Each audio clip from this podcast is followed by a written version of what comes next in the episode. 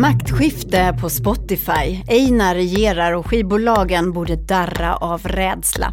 Hur ska svenska e-handlare lyckas i Kina och vad har avokado med alltihop att göra? Och varför börjar alla medier, till och med Breakit, att ta betalt?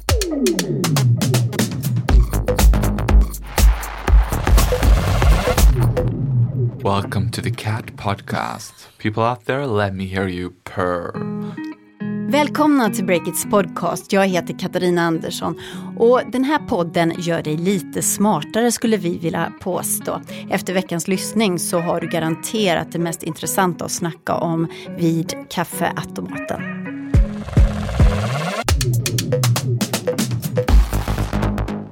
I måndags kunde vi på Breakit avslöja att en misstänkt insiderhärva har briserat. En eller flera personer ska ha köpt på sig stora aktieposter i IT-konsultbolaget Acando strax innan uppköpsbudet blev offentligt. Och när budet sen blev offentligt, det var i mars i år, så rusade Acandos aktiekurs med över 40 procent. Och enligt vår källa blev de som handlade på insiderinformationen rika och tjänade tiotals miljoner på affären. Nu har Ekobrottsmyndigheten inlett en förundersökning och vi följer såklart vad som händer där. I veckan lanserade Google sin nya telefon Pixel 4 med buller och bång. En nyhet var att telefonen nu kan öppnas med ansiktsigenkänning. Att algoritmer har varit usla på att läsa ansikten med mörka hudtoner, speciellt svarta kvinnor, det har varit känt sedan tidigare. Och det här ville Google rätta till. Så man gick runt på stan med ansiktsscanner och erbjöd icke-vita ett presentkort på 5 dollar om just deras ansikten fick användas och skannas av. Men Google frågade också hemlösa personer i Atlanta. Och bland annat för det så har kritiken vräkt ner över Google. Så försöket att stoppa rasistiska algoritmer är bra Google, men metoden kanske mindre lyckad. När den svenska speljätten Paradox släppte betaversionen av sitt nya mobilspel Stellaris Galaxy Command så var det något som gick fel. I spelet fanns det nämligen bilder och animationer från det sju år gamla spelet Halo 4 som Paradox inte har rättigheterna till. Naturligtvis inte okej okay, och spelet drogs tillbaka inom ett par timmar. Vi är ledsna för att det här hände, kommenterade Paradox via spelets Twitterkonto. Alldeles strax så kommer Breakits nyhetschef Jon Maune Pettersson hit för att prata om hiphop. Hallå, Olle Aronsson på Breakit här och jag sitter tillsammans med min kollega Stefan Lundell och vi två ska presentera veckans poddsponsor Atea. De hjälper ju växande bolag med att ta hand om allt det där som ofta är struligt med elektronik och IT och så. Eh, det kan ta både tid och kraft verkligen, som man egentligen vill lägga på annat. Så är det. Och en av deras helhetslösningar heter Atea Smartphone. En tjänst som verkligen täcker allt när det gäller företagstelefoner. Abonnemang, service, support, ja allt faktiskt. Det låter väldigt skönt tycker jag. Eh, och just nu eh, så har Atea fått in marknadens minsta desktop-dator i deras e-shop. Det är lite kul. Det är alltså en desktop som är mindre än en pocketbok som man har i jobbväskan. Den väger bara 505 gram. Den blir man ju riktigt sugen på. Den heter Lenovo ThinkCenter Nano och kostar 7495 kronor. Gå in på www.atea e-shop och läs mer om detta. Tack Atea för att ni sponsrar vår podd.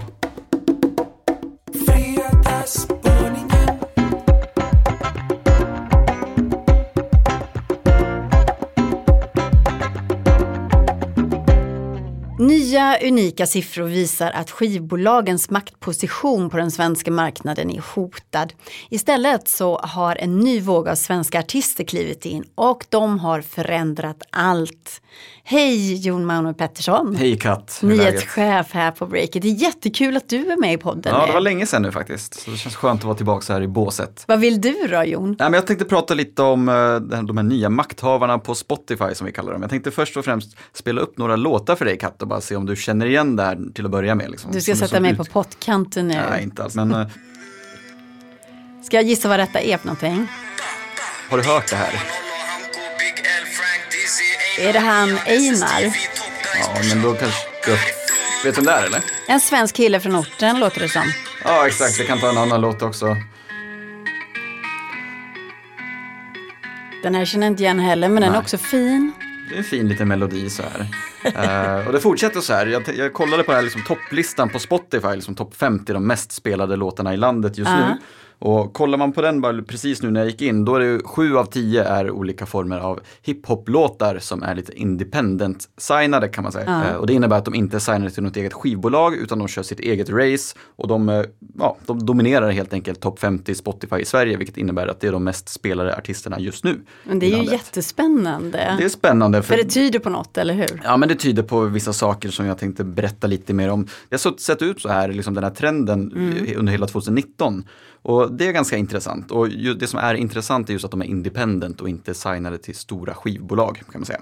Men det har varit så tidigare då? Att det är de stora skivbolagen som dominerar den här listan och så har det vänt? Ja men historiskt, i alla fall liksom i musikbranschen så är det liksom, det finns ju tre stora skivbolag i Sverige, Sony Music, Warner och Universal och det är de som har haft liksom makten kan man säga och liksom stått bakom majoriteten av alla stora stjärnartister. Men nu har det ändå kommit en våg eh, av en helt ny generation artister som skippar de här skivbolagen och kör sitt eget race. Liksom, de har sin publik på sociala medier, de lägger upp eh, sina egna videos på YouTube och nu kör de på Spotify också och har liksom egna små skivbolag som de själva har startat. Och det finns ett eh, digitalt musikbolag som heter Amuse som nu har gjort en analys av den här topp 50-listan och konstaterat att i september till exempel, då var det liksom 38% utgjordes av independent-artister i Sverige då. Och det kan jämföras med liksom i USA och England kanske motsvarande siffra är 5% och liksom tittar man något år tillbaks i Sverige så är det helt andra siffror också. Men det här är ju jättespännande på flera plan. För först och främst är det här alltså någonting som är ganska unikt i Sverige. Att det finns så många independent eh, Ja men det ser ut så artister. enligt eh, den här statistiken. Sen det är definitivt en trend och vad det beror på det, det kan man nog spekulera ganska länge i. Ja liksom. men det har du säkert gjort också Jon, eller? Ja men det är klart man har gjort det. Och liksom, jag har ringt runt till lite olika folk som kanske har ännu bättre koll än vad jag har och sådär.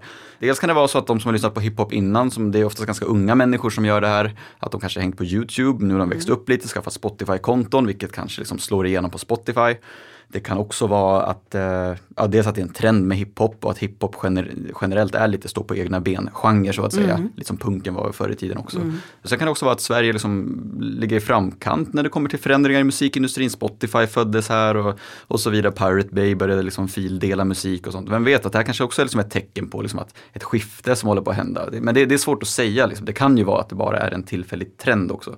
Men eh, det är en intressant trend i alla fall. Verkligen. Och du säger då att tidigare har de stora skivbolagen eh, regerat den här listan. Så är det de som blir förlorare i det här maktskiftet då? Ja men det får man nog lite förenklat säga. Skivbolagen går fortfarande väldigt bra ska sägas. Eh, de tjänar pengar och liksom marknaden växer med streaming och så vidare.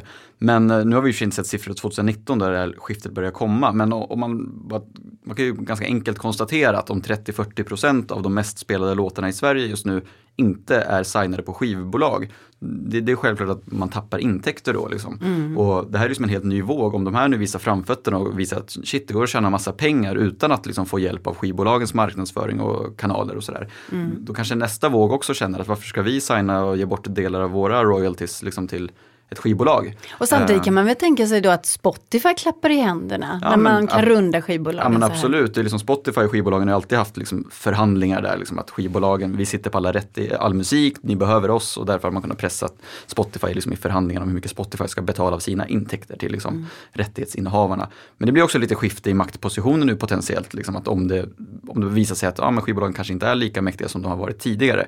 Dock ska sägas att det är fortfarande väldigt tidigt skede, det här är ju, vi får ju se hur det utvecklas. Ja men det är spännande För liksom, ändå. Det är ändå, om skivbolagen lite vaknar nu så har de ju noterat det här såklart också och försöker liksom hitta på sina egna lösningar hur man nu ska liksom lyckas signa upp de här artisterna som ändå är väldigt, väldigt populära. Ja, ja, man får vara lite snabbare kanske i eh, startblocken där. Ja. Men vad tjänar de här eh, unga artisterna då på att bara gå direkt till Spotify?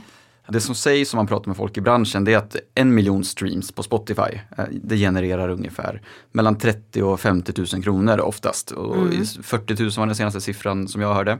Och vad är en miljon streams? Ja, det är, det är väldigt mycket. Men å andra sidan kan man nå en miljon streams eh, och väldigt mycket mer om man liksom träffar rätt målgrupp. Till exempel Einar som vi lyssnade på lite här i början. Han, eh, han breakade i ja, januari var det nog. Mm. Och sen dess har han släppt två album för han märkte att nu fan, nu går det bra liksom. Så nu har han bara pumpat på med musik och liksom en jätte, jätte, jättepopulär. Och det här är liksom en 16, ja nu 17-årig liksom kille som satt in oss på ett HVB-hem i Dalarna liksom, och släppte musik, liksom, spela in en gång i månaden. Liksom.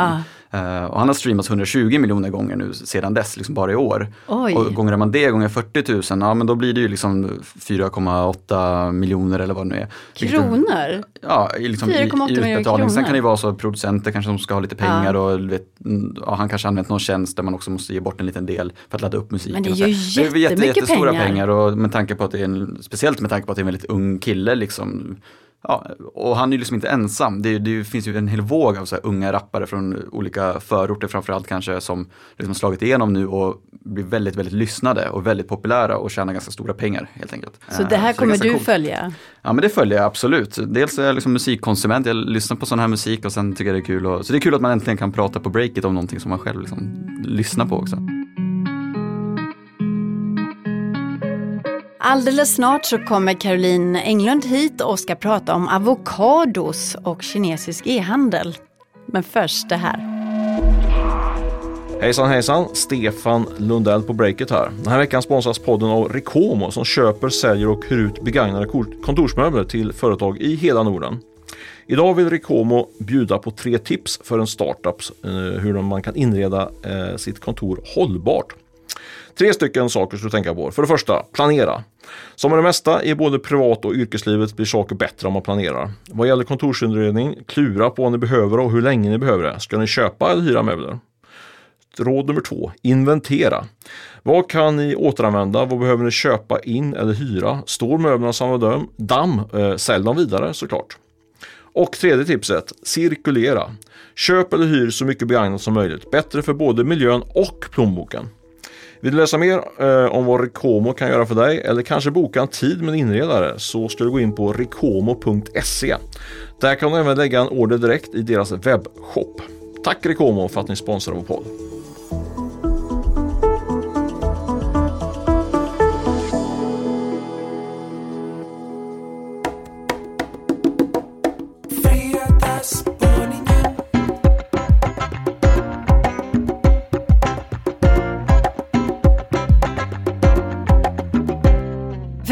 År sedan så spred sig livestreamade instruktionsvideor som visar hur man öppnar en avokado. Och de här videorna de spred sig som en löpeld i Kina.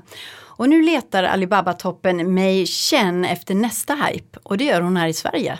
Välkommen hit Caroline Englund Tack så mycket. som har träffat självaste Mei Chen här i Stockholm i veckan. Det tycker jag är stort. Vad, vad hände? Hur gjorde du det? Vad träffades ni? Eh, nej, men vi träffades på eh, ett kontor. Det var en PR-byrå som hade styrt upp det här mötet. Eh, det var precis vid Hötorget med utsikt över taken eh, i Stockholms innerstad. Väldigt mysigt. Och där satt du och pratade med Alibabas höjdare, en av dem. Ja, precis. Hon är ju ansvarig för Head of Fashion and Luxury. Men den här spaningen ska börja med avokados. Och det tycker jag är spännande. Alltså instruktionsvideos om hur man öppnar en avokado. Hur ska du få det här till en spaning om e-handel, Karo? Ja, det låter ju spännande och det är det också. Eh, nej, men jag träffade som sagt den här eh, Mei Cheng och eh, vi, jag ville pumpa henne på information om hur svenska företag ska nå ut i Kina. Och det hon berättade då var att eh, livestreamade instruktionsvideos är eh, en väldigt stor marknadsföringstrend i Kina just nu.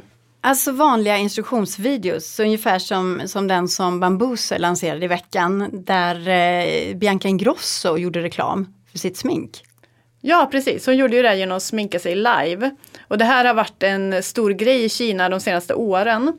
Att man liksom gör saker live och visar hur man gör. Men det behöver inte bara handla om smink, det kan vara vad som helst. Det kan vara hur kombinerar du de här blå byxorna med andra kläder? Eller eh, hur äter du en avokado? Men hur gör man det för att sälja avokados då? ja, eller? för det var Jaha. nämligen så att det fanns inte, i Kina hade man inte avokados för tre år sedan. Va? Eller för fem år sedan. Nej, fanns inte på marknaden.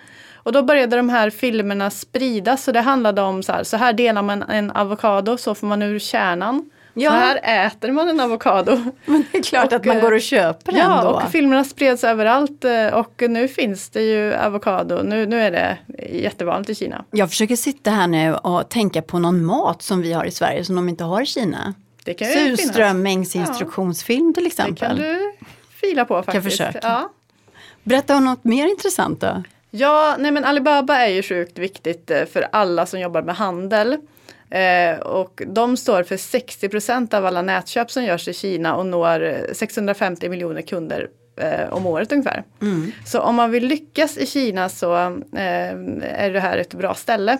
Mm. Och då sa då Mei Cheng att eh, Eh, om man liksom ska öppna näthandel i Kina ska man absolut inte satsa på att bygga en fin hemsida och översätta den till kinesiska. För det beskrev hon eh, var ungefär som att man skulle öppna en lyxig affär mitt i öknen. Mhm. Det kommer inte komma några kunder alls för alla kineser de handlar via marknadsplatser. Mm. Och den största är ju då Tmall som är Alibabas marknadsplats. Så då blir utmaningen att komma in på den här Tmall då, eller är det svårt eller får man bara, bara börja vara där? Eh, man får inte bara komma in. Eh, Tmall, man kan jämföra det med Amazon ungefär. Det är som en marknadsplats där ett bolag kan öppna en egen webbutik. Eh, men för att komma in så behöver man bli godkänd av Alibaba och det är ganska hårda krav. Mm. Och eh, Mei Cheng, hennes eh, eh, råd var då att eh, innan man ens funderar på att lansera på Tmall så måste man göra jättemycket research och eh, eh, lära känna sina kinesiska kunder för de produkterna som säljer i Europa kanske inte alls funkar i Kina. Och sen måste man kanske kolla lite på storlekarna för att eh, extra large och large som eh, funkar bra i Europa funkar inte alls i Kina för där är det small och extra small som gäller. Men eh, finns det några svenska varumärken som har lyckats på Tmall? Ja men det är många svenska varumärken som finns där, ungefär 40 till 50 stycken och H&M har ju lanserat alla sina märken där tror jag.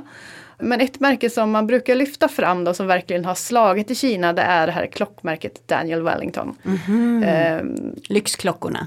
ja, de är inte superlyxiga men de säljer ju bra. 2 miljarder tror jag de omsatte förra året. Eh, och eh, nyckeln till deras framgång i Kina är att de gjorde precis som Mei sa då, att de eh, gjorde väldigt mycket research. De flyttade ner ett helt team till Kina.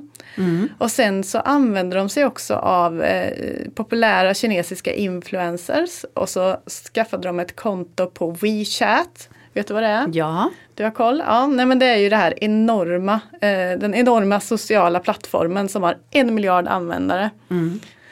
Och sen ett annat bolag som jag tyckte, som inte jag känner till faktiskt, är något som heter Erinam. Och de tillverkar ansiktsmasker som skyddar mot luftföroreningar. Och så blandar de teknik som tar bort föroreningarna med en väldigt snygg design.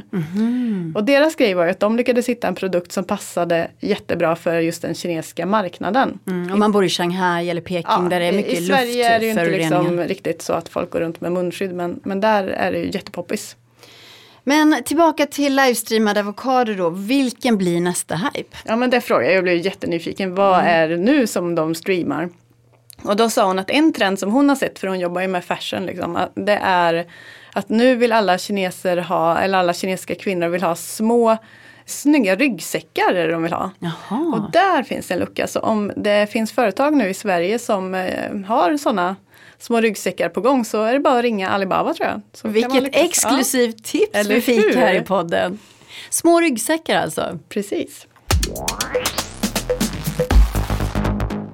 Tjena tjena! Stefan Lundell är på Breakit. Den här veckan är våra kära vänner på Miss Hosting tillbaka som poddsponsor. Ska du dra igång en ny sajt eller skaffa en ny doma- domän, inte domän utan domän, då är det Miss Hosting som experterna du behöver ha eh, till din hjälp. Om du är på jakt efter en ny domän ska du faktiskt riktigt spetsa öronen nu, för Miss Hosting rullar snart ut ett riktigt kanonutbjudande. Från 21 till 27 oktober kostar det bara 5 kronor att köpa en .se-domän för ett helt år. Ja, det är faktiskt sant. En femma för ett helt år. Om tid och pengar kommer domänen kosta dig mindre än vad det tar att föra in posten i bokföringen. Det är inte illa. Låter det intressant? Surfa in på misshosting.se och läs mer. Där kan du också skaffa ett webbhotell för 9 kronor i månaden. Tack Miss Hosting för att ni sponsrar vår podd. Nu kör vi, Olle. Let's Okej. go, let's do this. Ja, jag kommer att prata ungefär så här, men det brukar inte pika och hit och dit. Nej. Jag ska försöka hålla det så att jag inte går upp. Utan jag, fin röst. jag försöker hålla mig ganska monoton här nu, så jag kommer inte vara så mycket att jag säger typ som Stefan till exempel säger ah! ibland och sånt där. Och så, bara, jag ska, så går alla mätare i höjden. ja, man får ha limiter Ja, på honom ja. på Stefan-limitern. Den är klassisk. Nu kör vi Olle Aronsson.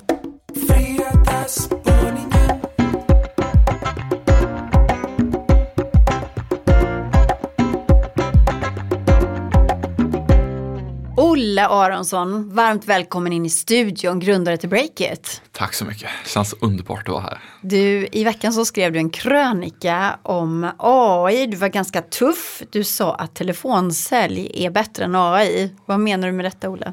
Ja, det var ju lite av en medvetet provokativ eh, rubrik då. Det behöver inte vara så i alla fall, men rubriker ska man förenkla saker och ting i.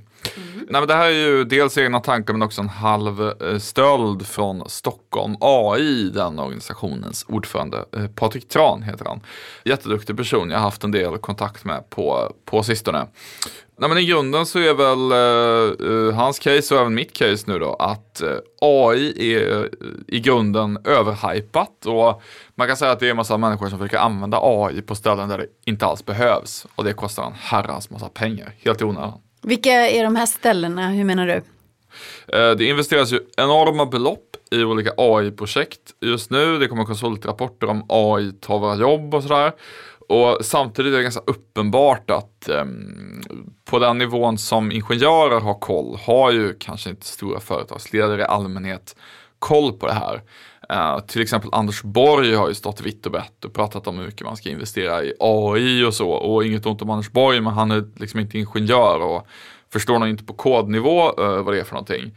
Men det investeras enorma belopp i det här. Eh, uh, Patrik Tran hade ett kul exempel faktiskt när jag träffade honom. Att han, han berättade att eh, han pratar ibland med stora företagsledare som hör av sig till Stockholm AI och vill ha rådgivning. Och då säger de, ah, nu har vi bestämt att i tredje kvartalet, då ska vi ha AI på plats. Oj. Utan någon särskild idé om hur det ska implementeras. Eller så du vad menar det ska att de har, till. ja, de, har, de har blivit liksom lurade av hypen och, och gått på någonting då som de inte borde gå på? Ja, vi har blivit det skulle jag säga och det mm. tycker jag även vi i medierna är medskyldiga. Eh, det finns ju en, en jättehype i allmänhet kring något som folk egentligen inte vet vad det är. Ett annat kul exempel är alla sådana här chattbottar som eh, kom för några år sedan och alla banker skulle ha och sparka alla i kundtjänsten och ha någon chattbot istället alla de där dyra projekten läggs ju ner nu och sparkas ut för att det, det, funkar inte. Men man har liksom trott att AI kan lösa det här men det visar sig att AI inte alls är så bra kundtjänst i alla fall Chattbottar, de var ju riktigt korkade på många ställen måste jag säga. Mm. De irriterar mer. Men är AI verkligen så här kass? För många beskriver ju tekniken som någonting som kommer revolutionera hela världen och affärer och allting. Ja, men, eh, det är en väldigt bra fråga tycker jag. Och jag tror så här att det är väldigt lätt att vi pratar om nästa industriella revolution och så minns man att det var jättemycket industriarbetare som gjorde så kallade enkla jobb som ersattes av robotar och så tänker man sig att det ska vara samma sak igen, att nu är det folk som gör enkla jobb som kundtjänst kanske beskrivs som då. Men eh, det är nog snarare kreditanalytikern med lite högskolepoäng som kan ersättas av AI än kundtjänsten. Mm. Och det mm. tror jag många företagsledare intuitivt inte tänker så, utan man tänker så att säga att grovt förenklat den mest lågkvalificerade personalen den som kommer bytas ut. Men så är det nog inte. För AI, eller den, det som flest menar nu för tiden med AI, det som kallas för maskininlärning, det handlar om att hitta mönster i data. Och det skulle till exempel kunna vara att man går igenom massa kreditansökningar. Mm. Du och jag har sökt något blankolån för att ja, man köpa en bil eller någonting.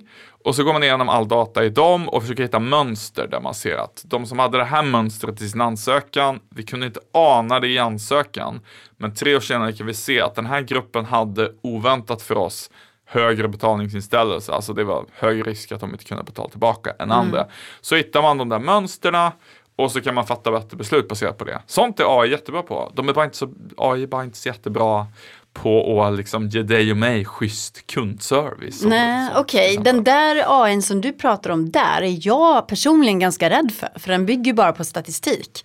Och då blir det ju som att du kan bli eh, alltså, dömd för att din grupp brukar vara till exempel dålig på att betala tillbaka lån. Men det säger ju ingenting om dig som person. Så den där typen av AI är jag ganska skeptisk till måste jag säga. Ganska rädd för. Ja, det är intressant. Men det, det man ska komma ihåg är att så funkar ju mycket dataanalys eh, överlag redan idag. Att man tittar på grupper av folk som ja, vill ha lån eller vad nu folk vill göra och så fattar mm. man beslut baserat på det det är nog mer en, vad ska man säga, man automatiserar den fördomen istället för att bara göra den manuellt som idag. Så tyvärr finns det nog redan om du förstår vad jag menar. Ja, men samtidigt har vi alltså kanske nu då eh, en möjlighet att ta bort fördomar. Till exempel vem ska få jobbet eller så. Mm. Det kan ju vara lättare att ge någon jobbet om inte datorn tar hänsyn till hur namnet låter. Att det låter som ett namn med utländsk härkomst. Eller att du ser en person framför dig som, som är mörk istället för någon som är blond. Och så är det lättare att ge jobbet till någon som är blond. Alltså helt Mm. rasistiska beslut tror jag tas. Och där kan ju en dator faktiskt hjälpa till. Mm. Ja, men det är också en smart, om man vänder på det, ett positivt take på det. Och framförallt så tror jag att vi får ju se det här som att, så att säga, robotarna ska inte fatta besluten, men de kan automatisera fram beslutsunderlag. Så att vi får framför oss, här är vad vi har hittat för mönster, vad har vi ni fattar för beslut. Det är nog snarare dit vi är på väg nu här i det är rätt långt ifrån att vi ska släppa ifrån oss de här besluten alla Terminator så att säga. Eller hur? Men tillbaka till, till din spaning då. Du säger att det plöjs alltså ner väldigt mycket pengar. Ja, det är i ju mångmiljonbelopp ty- i Ja. massa företag i hela världen. Och alla tjuter AI i tredje kvartalet kommer vi ha det då. Men eh, varför då? Om det inte är bra? Orsaken till att det har blivit så överhypat, det är ju eh, FOMO egentligen. Fear of missing out. Exakt. Att det handlar ju om att de här företagsledarna som hör av sig till typ Patrik Tran, de eh, vill ju inte hamna på efterkälken. Det är Nej. nog det ena och då hakar man på utan att riktigt veta vad det är. Det andra är lite så här hipp marknadsföring, alltså fake AI. ehm, bara för att framstå som cool och i teknisk framkant kan man använda det som ett marknadsföringsgrepp. Eh, dels som startup kanske. Det förekommer nog på sina håll när man ska ta in riskkapital och så. Och sen även tror jag en del ehm, AI-konsulter hypar upp det här lite grann bara för att tjäna pengar. Att det Ja. kan vara ett lätt sätt att få ett, ett säljmöte som, som it-konsultbolag kanske om man ska vara lite spetsig.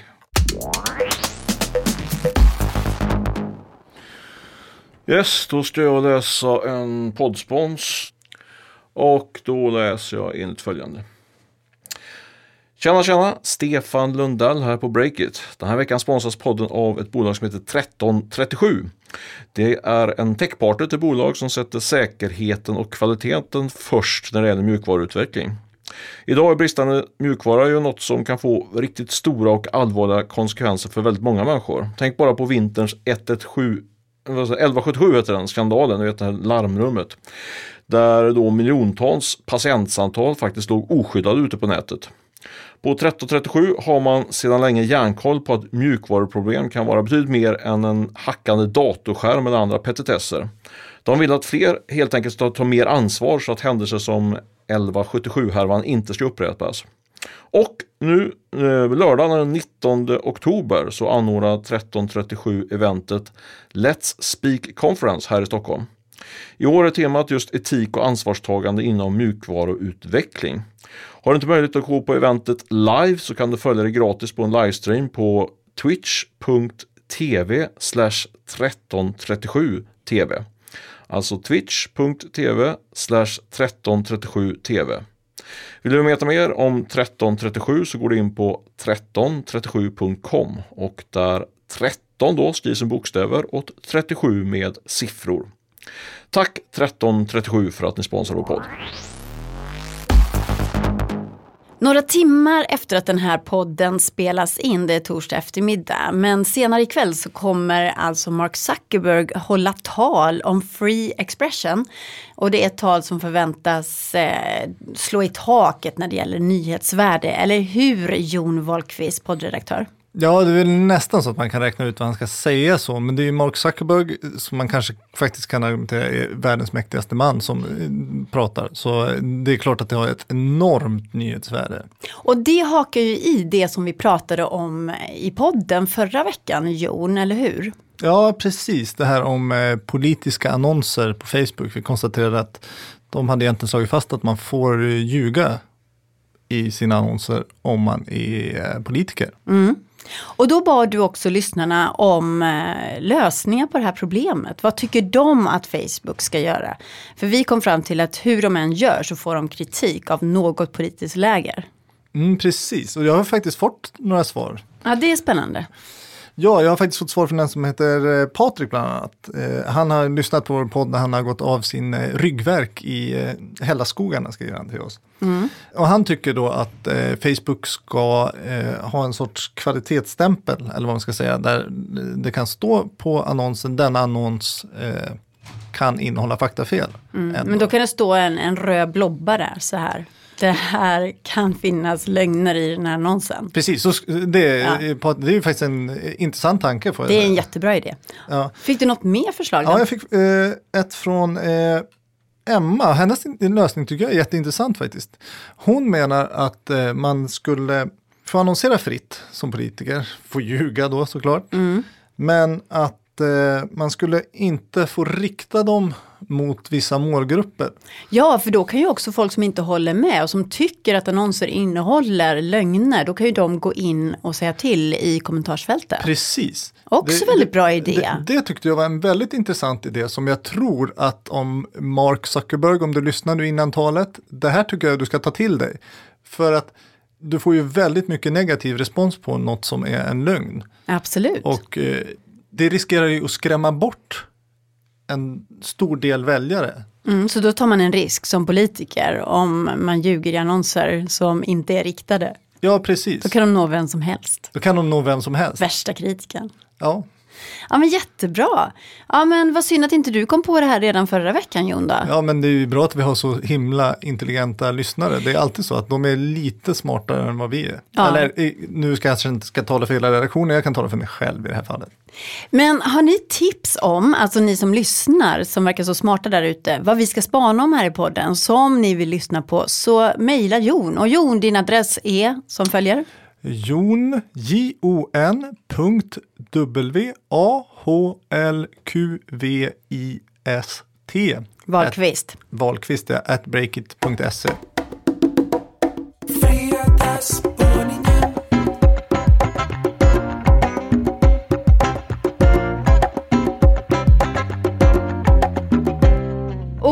Aronsson, du är tillbaka här i poddstudion och håller lågan vid liv ett tag till. För nu så vill jag prata om den hetaste trenden i vår egen bransch, i mediebranschen. Kan du gissa vad jag menar? Det är väl något så banalt som att ta betalt. Ja, premium. Exakt. Det är det som har varit hett här inne på Breakits redaktion de senaste två veckorna. Premiumsatsningen har gått live helt enkelt.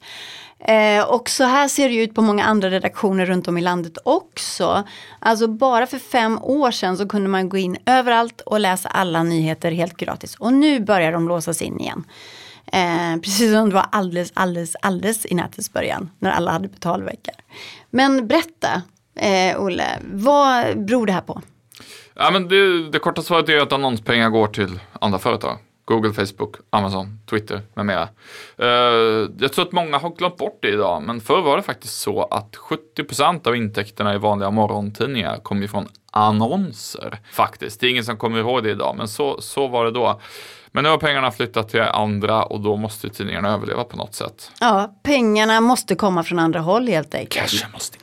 Men även om man vill det väldigt gärna då, ha in pengar på andra sätt, så betyder ju inte det att läsarna är med på samma båt. Bara för att till exempel GP och Dagens Nyheter sätter upp en betalvägg och säger bli prenumerant nu Katarina, så är det ju inte säkert att jag vill det, att jag vill förändra mitt beteende på det här sättet. Nej, verkligen inte. Jag skulle säga att de flesta är ju väldigt ovilliga till att betala.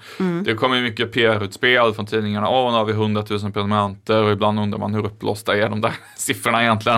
Och jag tror inte att folk i allmänhet, alltså mer än 50% av befolkningen, någonsin kommer vara trogna, stabila prenumeranter. Så som det i hög grad var förr när det var liksom en monopolsituation på orten mera. Det tror du inte? Alltså, Nej, det tror jag- nej, det tror jag verkligen inte. Nej.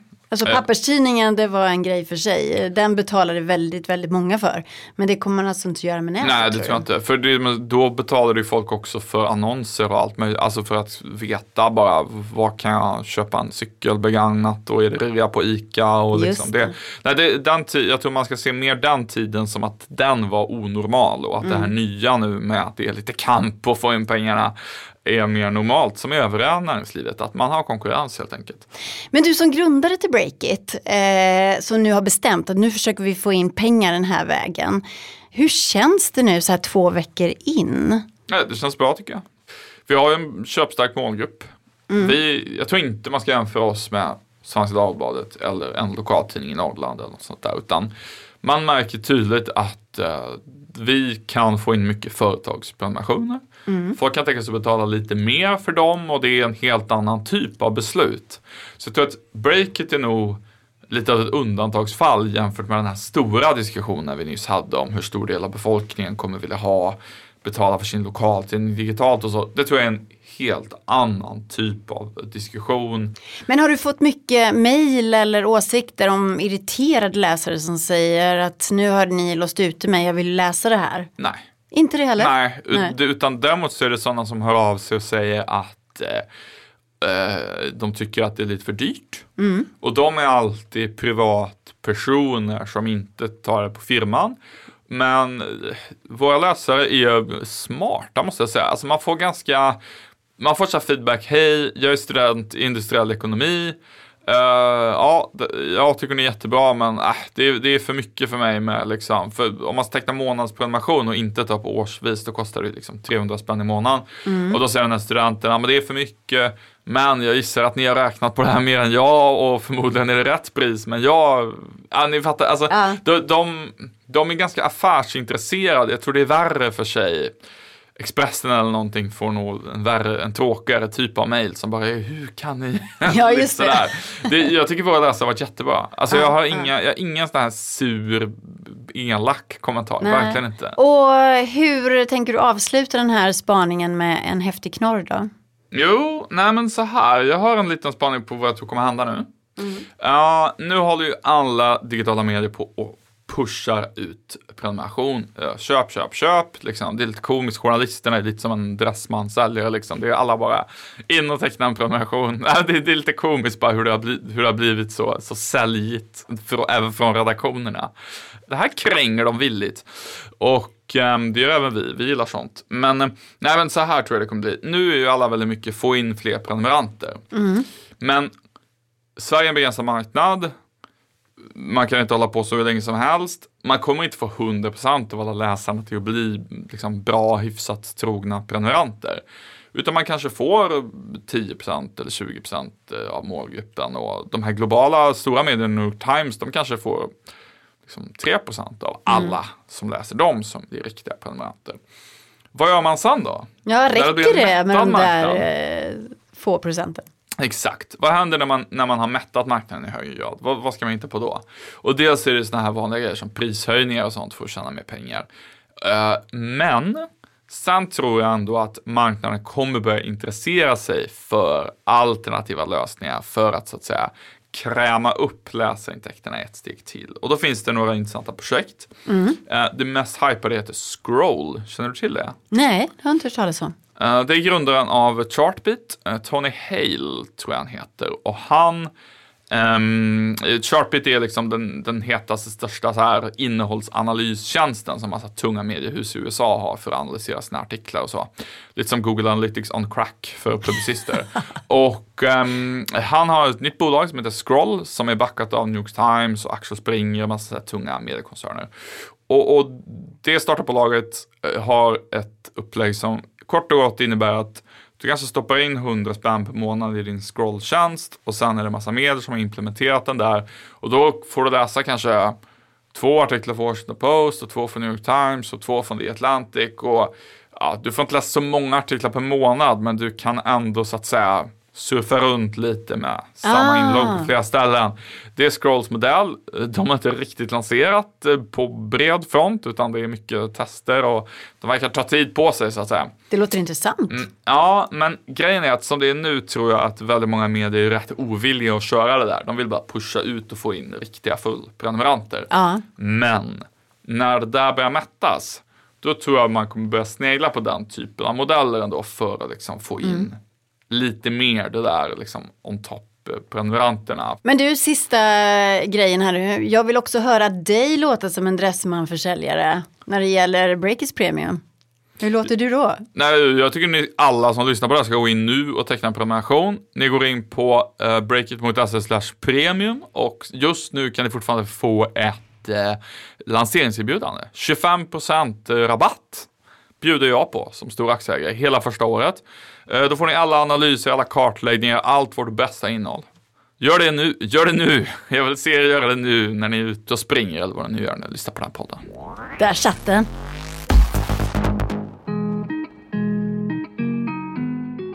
Ska vi inte göra The Cat Podcast? The Cat Podcast. Late Night with Cat.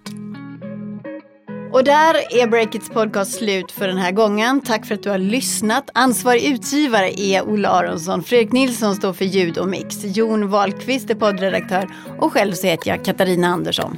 The cat paw, let me hear you purr, catsters. Tack Olle Bolle.